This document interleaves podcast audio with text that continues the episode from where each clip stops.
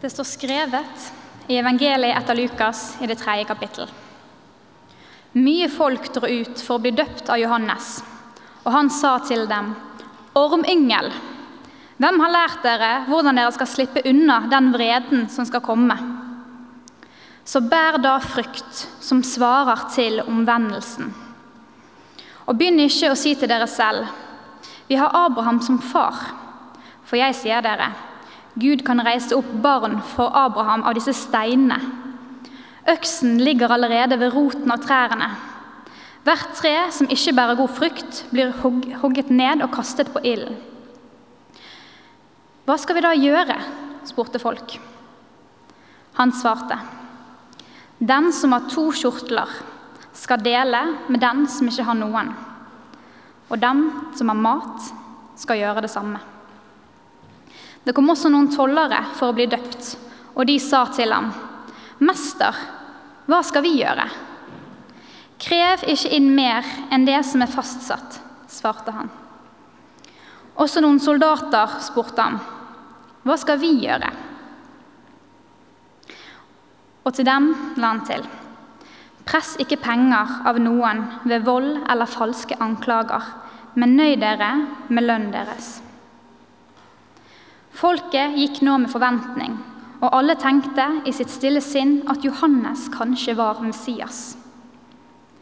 Da tok Johannes til orde og sa til dem alle.: Jeg døper dere med vann, men det kommer en som er sterkere enn jeg, og jeg er ikke verdig til å løse sandalremmen hans. Han skal døpe dere med Den hellige ånd og ild. Han har kasteskovlen i hånden for å rense kornet på treskeplassen. Hveten skal han samle i låven sin, men agnene skal han brenne opp med en ild som aldri slukner. Dette og mye annet la han folket sin på sinne når han forkynte budskapet for dem. Slik lyder det hellige evangelium.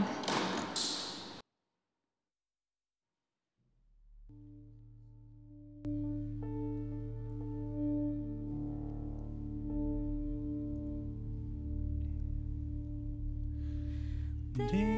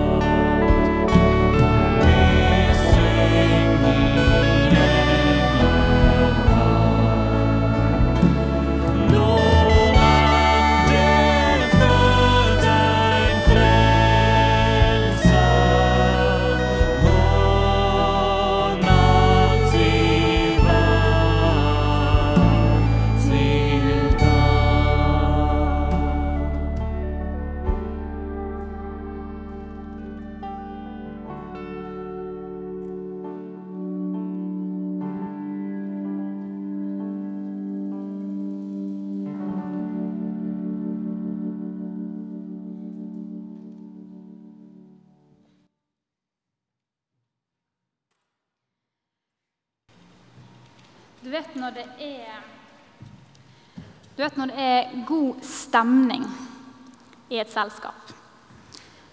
Latteren, den sitter løst. Hyggen, den er til å ta og føle på. Det er veldig sånn uhøytidelig. Og så plutselig så får noen for seg at de skal diskutere Midtøstkonflikten. Eller minne folk på det felles ansvaret vi alle har for å redde planeten vår. Om det er vårt eget folkeslag i den pågående klimakrisen. Søndagens tekst er denne personen i det trivelige selskapet. Kan like gjerne kalle det et juleselskap. For i en tid hvor vi dyrker de gode følelsene Michael Bublé, klementiner, pepperkaker og håp i en gryte på TV 2 så kommer denne teksten dundrende inn med en helt, en helt annen appell. En motvekt til alt det lune, koselige og forventningsfulle. Så hvis dere ikke forventet det i kveld, så, bare, så må jeg beklage. For det, det er det som er søndagens tekst. Det er døperen Johannes som eh, er bæreren av formaningen i teksten. Som flere kanskje vet, så var han fetteren til Jesus og en profet som hadde fått i oppdrag av Gud til å gå foran og bane vei for Jesus, som skulle komme etter ham. Han var en karismatisk type som fikk eh, mange disipler, han også. Og som teksten er inne på, så gikk det faktisk spekulasjoner i om han kunne være Messias, den som israelsfolket hadde ventet på. Formaningen som Johannes gir folkene som kommer for å bli døpt av ham, handler om å gjøre bot. Om å vende om, angre og bære frukt som svarer til omvendelsen. Det siste det kan forstås som et bilde på gode gjerninger som skal være en naturlig konsekvens av troen. Det greske ordet i denne teksten for å vende om er ordet metanoia, som betyr å forandre sinn. Altså å være styrt av en annen tenkemåte. Personlig så syns jeg at denne betegnelsen treffer eh, mye mer enn det å gjøre bot eller å vende om. Av og til så har jeg erfaringer som berører meg på et helt sånn dypere nivå. Av den typen som du, som du kjenner i magen. Enten det er enkelthendelser eller rett og slett sånne genuine, åpne samtaler med noen som gjør at etterpå så ser du verden litt annerledes. Dessverre så er ikke det alltid eh, dette varer. For vi mennesker vi har en tendens til å falle tilbake i vante spor og tankemønstre. Kan ikke unnlate å kommentere at ormyngel er et nytt, spenstig skjellsord som jeg fortsatt har til gode å høre bli brukt i dag. Heldigvis, for det er ikke så veldig fint ord. Eh, det betyr avkom av det onde. Ja, Så Johannes må jo ha ment alvor med tiltalen sin. Jeg er sikkert ikke alene om å være litt ekstra opphengt i den engelske kongefamilien for tiden. Etter å ha slukt siste sesong av The Crown. Den serien den slutter liksom ikke å overraske meg med måten den klarer å formidle helt sånn eksistensielle og menneskelige erfaringer og utfordringer på rent glitrende vis. Så hvis du ikke har sett den, så er det en sterk anbefaling fra min side så var jeg litt usikker på om jeg skulle ta med denne ene hendelsen i preken i dag. For jeg var, tenkte sånn, jeg kan jo spoile noe. Men så kom jeg på at det er jo faktisk historiske hendelser. Så om jeg spoiler noe, så spoiler jeg historien. Så da ga jeg meg selv et eh, green card på akkurat det. For det at denne hendelsen og dronning Elisabeth de peker nemlig på noe som også denne teksten tar opp. For i 1982 så brøt en mann ved navn Michael Fagan seg inn på soverommet til dronning Elisabeth i Buckingham Palace. Han var ikke voldelig, og han ønsket, han ønsket ikke noe annet enn å få snakke med dronningen. For han mente at hun var hans siste sjanse, siste håp til å få gjort noe med hans levesituasjon, levevilkår, og levevilkårene til mange andre i arbeiderklassen i England. Som livet hadde fart, fart litt ekstra hardt med. Og på denne tiden må det sies at eh, Margaret Thatcher styrte landet med en sterk hånd og en ideologi om den selvskapte mannen, og at dersom man faller i fattigdom eller nød, så er det ens egen feil som lot det skje. Den som har to kjortler, skal dele med den som ikke har noen. Og den som har mat, skal gjøre det samme. Dette sier døperen Johannes når folk spør hva det vil si å vende om og bære god frukt. Det er gode grunner til å tro at dronning Elisabeth kjente til det å dele av det man har, med de som har mindre enn en selv. Og at det går som en rød tråd gjennom evangeliene, og spesielt gjennom Lukas' evangeliet. Hun var en dedikert troende, og serien viser hvordan hun stadig baler med dette spørsmålet om hvordan hun kan leve sosialt og etisk ansvarlig innenfor sine rammer. Sitt embete, som er da å være dronningen av England. Som på den ene siden er helt ubegrensede rammer i form av makt, posisjon, velstand. Men på den andre siden er veldig begrenset. Det gir et utrolig lite individualistisk handlingsrom. Ettersom at alt hun foretar seg, det er liksom det er the crown, det er hele institusjonen som foretar seg.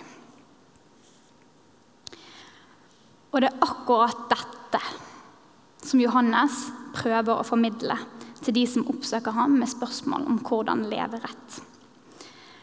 Til tollerne så sier han krev ikke inn mer enn det som er fastsatt. Og til soldatene nøy dere med lønnen deres og press ikke penger av noen ved vold. Vi er alle underlagt forskjellige rammer og system. I kraft av hvor og i hvilken familie vi er født inn i, yrkene våre, samt mange andre ordnede eller tilfeldige forhold. Det døperen Johannes prøver å vise, er at alle kan gjøre godt innenfor de rammene vi er gitt. Og at ingen ytre forhold eller strukturer kan fungere som unnskyldninger for å ikke ta forpliktende etiske valg til fordel for våre medmennesker. Vi er alle kalt til å bære frukt som svarer til omvendelsen. Og Det kan være store forskjeller på hvordan vi tolker dette. Men jeg tror ikke det finnes noen rangering av de beste gjerningene som i størst grad regnes som god frukt, noe teksten også taler for. Dronning Elisabeth for eksempel, hun kan jo gi beløpet av et statsbudsjett til en veldedig organisasjon hvert år. Men det er også innenfor de rammene som hun er gitt.